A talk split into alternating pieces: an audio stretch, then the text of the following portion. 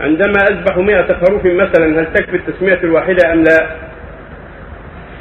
كل كل خروف يحتاج إلى تسمية.